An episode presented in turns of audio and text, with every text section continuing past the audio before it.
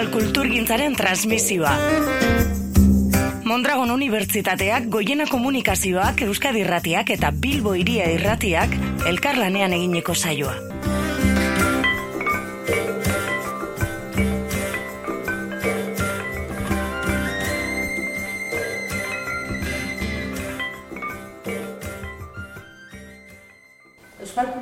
Euskaraz baino ez da posible, ala espainolez edo frantzesez ere bai. Galdera honi erantzunez, Ibai Iztuetak kultura baska versus euskal kultura saiakera plazaratu zuen aurrek urtean, tesi baten laburpena dugu hau, Ibai Iztueta, gazteizen bizi da, biologia ikasi zuen eta egun irakaslea da. Bertan, haupa Ibai. Keixone. Galdera horretatik abiatu zen tesia eta ondoren ba, liburu hau, ez? Bai, ala da. Bueno, galdera Ia esan nahiko errez laburtu liteke kontua, eh? Tesi guztiek behar izaten galdera bat, eta kasu enten hau izan zen. Hau da, posible alda euskal kultura eh, espainolez eta frantzesez, ala euskeraz bakarrik. Ez da nik asmatu dudan, edo lehenengo aldiz formulatu dudan galdera bat, lehenagotik ere bat zegoen, horra irean, eta esan liteke, ba, bueno, ba, kontrako erantzuna gazo izan dituela. Ba, alde batetik bada horri baiezko batekin erantzun izan dio jendea, bezezko batekin erantzun izan dio jendea. Orduan, bueno, Guk eh, horri bueltaka, ba, ikusi genuen behar bada, baiezko batekin edo ezezko batekin zuzenen erantzun baino, ba, komunikarri izango zala, galdera hori zergatik planteatzen zen, galdetzea, mhm. aldi berean. Eta ari hortatik tiraka, ba, iritsi ginen, e, nola esan, diskursoaren kontzeptura. Eta diskursoa zer da? Ba, diskursoa azken finean, e, galderak egiten ditugula testu inguru jakinetan, eta galderei ematen digun erantzunekin testu inguru jakinak eraldatzen ditugula. Zein da gure testu ingurua? Ba, gure testu ingurua da, ba, subordinazio politikoa bizi duen herri batena, hizkuntza gutxitua duen herri batena, eta lurralde zartik eta bizi duen herri batena. Orduan esan liteke. Galdera horiek, ba, estatu propioa daukaten herrietan ez direla egiten, baina gure bezalako herrietan, bai. Eta esanik, ba, aldi berean baita ere e, artikulatu genuen erantzunaren bigarren partea, adiraziz, ba, segun non norekin noiz e, behar bada baiezko batekin erantzun beharko zaiola galdera horri, da segun non norekin noiz behar bada ezezko batekin erantzun beharko zaiola. Hau da. Adibideak, ez? Esaterako bai. errezago ulerteko. Bai. jartzen badugu gure bai. Adibideak eman da, ba, errex ulertzen dela uste dut, ezta? Eta gainera nik uste dut, ba, guztiok izan ditugula gokoan, eta praktikara ere eraman izan ditugula. Hau da. Hizkuntza guztiz ordezkatu izan den tokietan, biztan da, e, ezin duzu joan esanez, baldin eta jendea euskaltzaletu nahi baldin baduzu, e, ez dirudi oso delikatua denik joatea esanez, ba, zuek ez zarete euskaldunak, hemen euskaldun bakarra gu gara euskaraz egiten dugulako, eta zuek ez. Ezta? Eta egindako galdera horri mandako erantzunak, ba, horrekin zer ikusia izan dezake. Beraz, ba, litekena da esatea, ez, euskal kultura, ba, espainolez ere egiten da, hori noski espainolez esango genuke. Eta kultura baska, tambien, es la que se hace en castellano, tal, tal, tal, horrekin atxekimen bat sortzeko modu eman dezakezulako, zubilana egin dezakelako erantzun horrek, ba, Euskararen ezagutzarako pausua emateko. Ez bada personalki, urrengo belaunaldietan. Aldiz, hau da, ezagutza, desafioa, desafioa ezagutza denean, hizkuntzaren ezagutza denean, ba, modu bat eta erantzun barko zaio. Aldiz, e, ikastolako men artean gaudenean, nun, elebitasuna, orokortua dagoen, eta erabitasunara eragokortua dagoen, nik uste dut beharrezkoa dela, eh, edo ezinbesteko dela erantzun horri, e, galdera horri erantzutea e, Euskararekiko lotura zorrotza eta zuzena eginez. Hau da, Euskal kultura Euskaraz bakarri da posible? Bai. Espainolez eta frantzesez posible da? Ez. Zergatik, ba, nire, eta hipotesia delako, edo nire iritzia delako, uste dut eritzi zuzena dela, e, Euskararen erabilera estuki lotuta dagoela, euskara norbere hizkuntza, norbere herriaren hizkuntza sentitzearekin. Hau da, ez badago lotura, e, identitario edo nortasunarekiko lotura hori, ez dago hizkuntza erabiltzeko arrazoirik. E, tesia eta liburua ere lau kapitulutan banatuta dago, ez? Lau bada esan duen guzu. Bai, esan nuen hori ere, bueno, botatzen duzuta, nola bete esateko hasierako galderari ematen zaion eman lekioken, ba, hasierako erantzuna da. Mm. egia da horrekin lotuta, bat testu oso bat badagoela, ez? E, galdera berari zentzua ematen diona. Eta guen pentsatu nuen hau esatearekin batera, ba, importante izan zitekela, e, gaur egongo testu inguru elikatzen duten e, lau korapiloren inguruko gogoeta egitea. Ni korapilo bezala epatu dut, e, korapilo epatzen ditut, ba, eskatu berrekoak direla uste dudalako. Eta duen zeintzu dira, bueno, lau bat alauek izan ziren, ba, nolet, laburtzearen, mm -hmm. tesia lutzea da, batean esaten zen, edo batean adierazien nahi zen, e, orokorrean uste denaren, edo adieraztera ematen denaren kontra, euskal gizartea eta euskal herria ez direla gauza. Honekin gauza bera. Honekin zer esan nahi dut? Babor badagoela e, marko kognitiboen inguruko gogoeta bat. Generalean tratatzen ditugu Euskal Herria, badago joera bat Euskal Herria, Euskal Herria eta Euskal Gizartea gauza bera balira bezala itzei, e, aipatzekoak, mm. baina gure kasuan hori ez da horrela. Euskal Herria, lurraldea, administrazio ezberdinetan dago banatuta, gizarte ezberdinetan alegia. Mm. Eta bere buru Euskal Gizartea dagoen jendea ere administrazio ezberdinetan bizi da. Hori alde batetik. Beste alde batetik, administrazio ezberdin hauetan, Euskal Herritarra sentitzen ez den jendea ere badago. Edo beste modu batetara esan da. Euskal Herritarra sentitzen dena, baino espainoltasunaren aldagai gisa. Beraz, herritartasun ezberdinak ere badaude. Beraz, honekin esan nahi dudana hori da. E, ez zela bat. Estatu propio du nazioa bagina, herria bagina, ziurrasko gizartea eta herria bat etorriko lirateke. Baina ez da kasua. Ez genuke ez genuke hori da. Agian ez, ez genuke hauzia izango baina ez da kasu. Mhm. Eta orduan ba, horren inguruko gogeta bada. Eta bi marko kognitibo hiek gizartearena eta herriarena aintzakotzat derrigorrez biak aintzakotzat hartzearen inguruko e, no, tesia da edo garapena da, e, ideiaren garapena da. Bigarrenean berriz, bigarren atalean beste marko kognitibo bati edo heltzen digu. Marko kognitibo esaten dudanean da, e, esaten dudanean da, gutxura bera, e, zein abia puntu hartzen dugun alako helburu iritsiko garela, edo alako tokitara iritsiko garela esan nahi dut ideia honekin. Ez kasu askotan hartzen ditugu alako premisa edo aurriritzi batzuk, pentsatuz e, ez direla aurriritziak, baizik eta egia absolutuak direla, eta orduan ba, alako kale itxitan sartzen gara, beti toki bere ematen gaituzte. Eta horietako bada nire ustez, e, gai honen inguruan erabili den aurriritzia. Eta aurriritzi honek, implizituki, onartzen du, identitatea kultura, hizkuntzaren gainetik dagoen zerbait dela. Hau da, esaten du, bueno, identitateak baude eta identitateak bere zatiak dauzka, eta zati bat kultura, e, kultu, izkuntza da. Edo eta kulturak badaude, kultura, kulturak zaku bat dira, eta zaku horren barruan, hainbat elementu sartzen dira, eta elementu horietako bat izkuntza da. Bueno, esaten da, hori ez da egia, hori ez da horrela. E, izkuntza ez da identitatearen barruan dagoen zerbait, edo eta kulturaren barruan dagoen zerbait. Bi gauzan diferente dira, elkarra elikatzen dutenak. Ez da, ideia hori garatzen saiatzen ez. E, esaten duguna da, azken finean hori marko posible badala, e, hau da, hizkuntza identitatearekiko pentsatzea, hau da, hizkuntzak ze papel betetzen duen identitatearekiko, baina aldi berean hain legitimoa dela, eta hain zuzena dela, alderantzizkoa pentsatzea.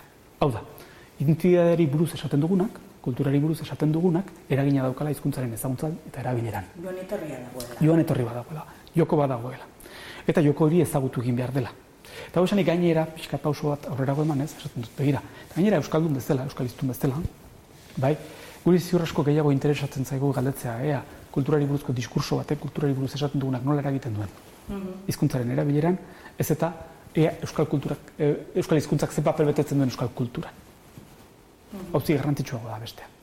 Kendu gabe, beste ere garrantzitsua denik. Izan ere, ele bakarrekin ere bizi gara, eta beraiek Euskalerekiko ze jarrera hartuko duten, importatzea eta asko. Eta, bueno, eta jarrera horrek zer ikusi gehiago dauka, bueno, identide, e, izkuntzak identitatearekiko betetzen duen paperean. Ba, akitola esan da putxu bat dela dela, baina, bueno. Bestetik ere, e, Euskararen normalizazioak ere, badu zer ikusia e, kulturarekin, ez? Eta horre ere, ba, ematen, bueno, zuretako zer, zer da Euskararen normalizazioa? Bai, hori da. Bueno, galdera hori importantea da. Mm eta hori lehenengo atalean, lehen gizartatea herria ipatu ditudan horretan, e, jorratzen dudan puntu bada. Hizkuntza normalizazioari buruz eta hitzetik hortzera aritze aritu hori gara, baina inok ez du gehiagi zehazten. Zer da bere ustez e, normalizazioa. Tani proposamen bat egiten dut. Bi aspektu horiek gizartea eta herria bereiztuz. Gizartearen figura hiritarra da. Eta herriarena herritarra. Biek bat egiten dute pertsonen gana. Euski gara hiritarrak eta herritarrak. Esaten dudana, normalizazioaren ikuspegitik, herritarrari eskatzen zaiona, herritarra, iritarra, barkatu, iritarrari eskatzen zaiona, eta iritarrarik, iritarraren gandik espero beharko litzakena, eta herritarrari eskatu bat zaiona, eta herritarraren gandik espero, espero beharko litzakena, diferentea direla.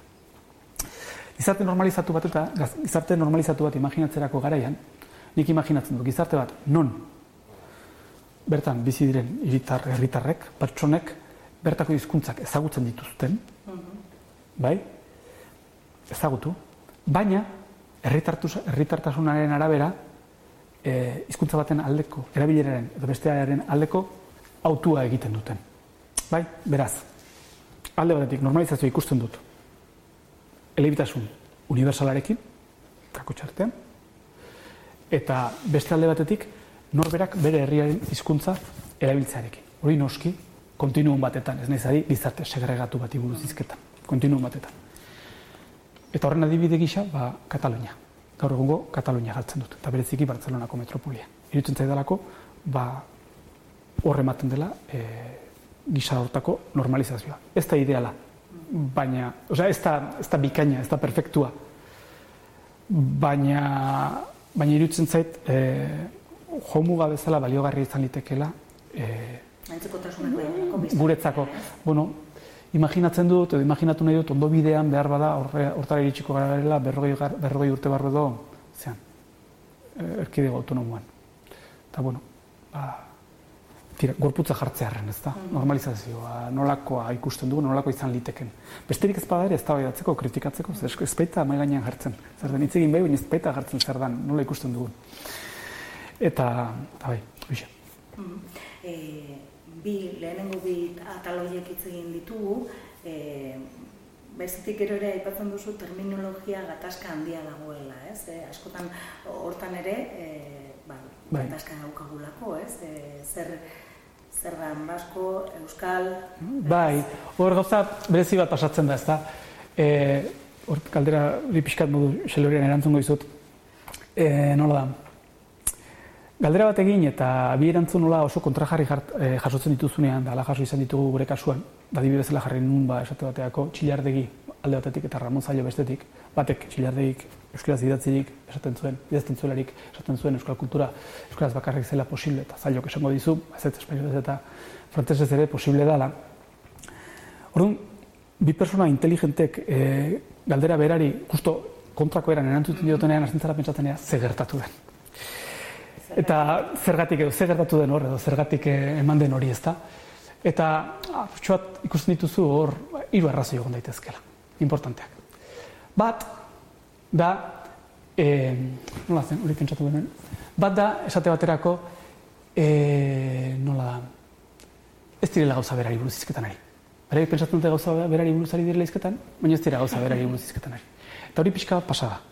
Hau da, zenbait kasutan, esan liteke txilardegi, kasu honetan, herriari buruz edo herria gogoan daukala aritu zela izketan, horren arabera argudiatu izan duela, eta Ramon gizartearen ideia bat gogoan eman dituela bere argudioak. Beraz, bi gauza diferenteri buruz ari dira izketan, eta orduan normal. Erantzun ezberdina ematea. Erantzun ezberdinak eta kontrakoak gainera, emateko beste arrazi bat, izan liteke, baso simplea, e, posizio ideologiko diferentea dauzkatera. Mm -hmm. Zu gauza nahi duzu, besteak beste gauza bat nahi du, beraz, kontrako gauzak nahi balin baituzue, ez balin baituzue gauza bera, ez baduzue gauza bera nahi, oso litekena da baita ere, kontrako erantzunak ematea.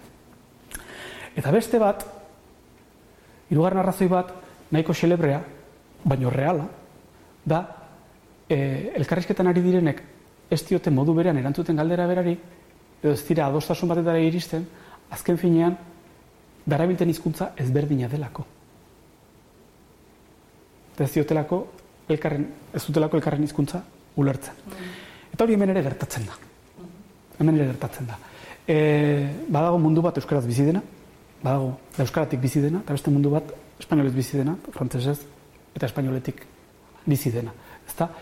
Eta hor, ba, normala den bezala gatazka terminologiko bat gertatzen da. Mundu batek bere izendatzeko beharrak dauzka, termino batzuk erabiltzen ditu bere neurrira, eta beste mundu batek ba, erabiliko ditu beste termino batzuk pixkat bere neurrira, berari atentzioa, bera ukitzen duten inguru e, ikutzen dituen gaiak izendatzera datorrena. Eta hemen gertatzen dena da, ba, oixe, bizkuntza dauzkagula eta alako gatazka terminologiko bat ematen dela. Horren adibiderik garbiena da esate baterako, ea zein den zeinen sinonimo. Bere garaian, e, Michelenak aipatu zuen, ba, bueno, e, izen bat behartzela, Euskara galdu zuten dira zidatzea zukan, espainola zidatzea zuen, baina e, Euskara galdu zuten baskoi baskoak izendatzeko izen bat beharko genuela hemendik aurrera, ezta? Ba, realidade berri bat sortu zelako. Garai batean euskaldunak eta baskoak gauza bera ziren, sinonimoa zen basko eta euskaldun esatea, ja utzi diote sinonimo izateari eta realidade berri hori nola izendatuko dugu. Bueno, orain arteko ibilbidean ikusi duguna izan da e, poliki poliki euskaldun, hau da euskal iztun hitza apurtxo bat e, euskaraduna. Bai. Euskaraduna eta euskara erabiltzen duena, bai. esango nuke. E, bueno, hemen alde batetik ikusi da baskok zer egin duen eta utzi dio euskal iztun esan nahi izateari eta bihurtu da e, gainera esango nuke, bueno, Nafarroan euskal iztun izango litzateke, edo eta abertzale, mhm. eta eta erkidego autonomoan, bada, erkidego autonomoko e, zera biztale gauz asko esan nahi ditu baskok. Ez da? Baina bai. beste bai, euskal, euskal iztun izatea zaparte, ez da? Orduan, esan nahi ezberdinak hartzera nola joan den ikusi dugu, eta ez ikusi dugu baita ere, euskaldun hitza nola joan den e, baskok esanaiak ugaritu ala, ugaritasun horren araberako e, sinonimia bilatzera, nola egin duen, ezta? Hau da, nola Euskaldun hitzak basko izateren sinonimo. Basko izateren sinonimo izateren nola e, egin duen, ezta? Eta hor, bueno, hor, ba, ikusten da, badagoela lan bat. E, hor, ba, badagoela... Eh? Bai, bueno, gatazka bat edo gatazka bat ebitatu nahia baita ere. Mhm hor batez ere hori ikusten da, ez da, eta behar bada, ba, gatazkan sartu beharko da, naiz eta, ba, gatazkan sartu beharko da, alda, nik eta e, lehuntasun eta delikadez handienarekin, baino, baino badago izendatu behar bat, ez da. Eta adibide gisa garbia da, ez da, nola izendatuko dugu esate baterako bere buru euskal herritartzat jotzen duen e, eralduna. Eraldun ele bakarra, eta inkluso esango nuke, e, elebiduna izanik, espainolez egiteko joera daukana, ez da. Hor badaude figura batzuk, kezka sortzen digutenak, atentzio ematen digutenak, eta izendatu ezenea, izendatu ezean, e, landu ahal izango ezingo ditugunak, hau da, e, ere aseptikoan mantenduko ditugunak, ez da onerako eta txarrerako. Eta bueno, hor bai, e, hor badago, bai, gatazka zehatxo bat. Gero gainera, aparte, bueno, gatazka honek itxura bat baino gehiago hartzen dituela ere esan liteke, ez da, e, itzaldian edo aipatzen nuen bezala, momentu interesgarria da, baita ere, ze bueno, orain arte nola bete esateko, zen liteke e, Euskara eta Euskal Iztuna gehiago izan dela kritika objetu. Hau da, ez du hautsik izan. Alfabetatu gabea izan den einean, e, erderaz pentsatu izan da, berari buruz ez da, nola esateko kritika objetu izan da. Baina gaur egun ja honezkero e, Euskaldun alfabetatuak ere bagara, Euskaraz idazteko gai garenak, Euskaraz funtzionatzen duten unibertsitateak ere badira, eta zan liteke, ba, Euskaldun, Euskal, Euskaraz pentsatzen, Euskarazko edo Euskal pentsamendu bat garatzeko oinarri batzuk ere badaudela, eta bueno, ba, bere neurrian ere badagoela, ezta? Eta zan liteke badagoela, ba, sujet, eh, objektu kritiko izatetik, kritikareko subjektu izateko, edo subjektu kritiko izatera emateko pausoa, mm -hmm. urratsa emateko moduan ere bagaudela. Eta, eta moduan egon bakarrik ez, bezik eta ema, ematea ere tokatzen zegula. Eta horrek, ba, eskatzen du, terminologia propio bat garatzen. Mardula egin duzu ez, tesiarekin, eta gero, bueno, e, argitaratu ere, ondorio gehiagorik atera du? Atera liteken, ondorio gehiago, bueno, bat baino gehiago dugal, eh, ez da git fundamentuzkoak ala ez, baina, bueno, baina bai. Amaitzen ez den gai bat da, oraindik ere. La, ez, ondorioa simplea da, ondorioa oso, ondo, ondorioa oso simplea da, ondorioa da, begira. Atakastuan gaude, eh, egia da orain arte harreta euskararen ezagutzan edo jarri dugula, baina ikusi dugu ez dela ezagutza bakarrik, erabilera nire desafio latza daukagula, eta esaten da, eta ondorioetako bada, ba, erabileraren desafiari heldu nahi baldin bazaio, e, hizkuntzaren erabilera eta euskal nortasuna lotuko dituen, e, horri heldu nahi baldin bazaio, aintzako hartu beharko dela derrigorrez, e, euskararen erabilera eta eta euskal nortasuna, euskalduntasuna, lotuko dituen e, diskurso bat ere. Entzakotzat hartu beharko dela, landu beharko dela eta sozialaz hartu beharko dela. Eta hori egin ezean, erabirak erreka joko dela. Mm. Euskal kultura, Euskaraz baino ez da posible, ala espainolez naiz frantzesez ere bai, galderaren erantzuna eh, jasotzen duzu. Lehenengo galderaren erantzuna ematen diozu. Bai, bai, bai, bai, ez premisa, bai, bai, bai ba, e, kultura baska versus euskal kultura, ibai iztuetaren lana, mi esker. Zure, arretagatik. Euskal kulturgintzaren transmisioa. Mondragon Unibertsitateak, Goiena Komunikazioak, Euskadi Irratiak eta Bilbo Iria Irratiak elkarlanean egineko saioa.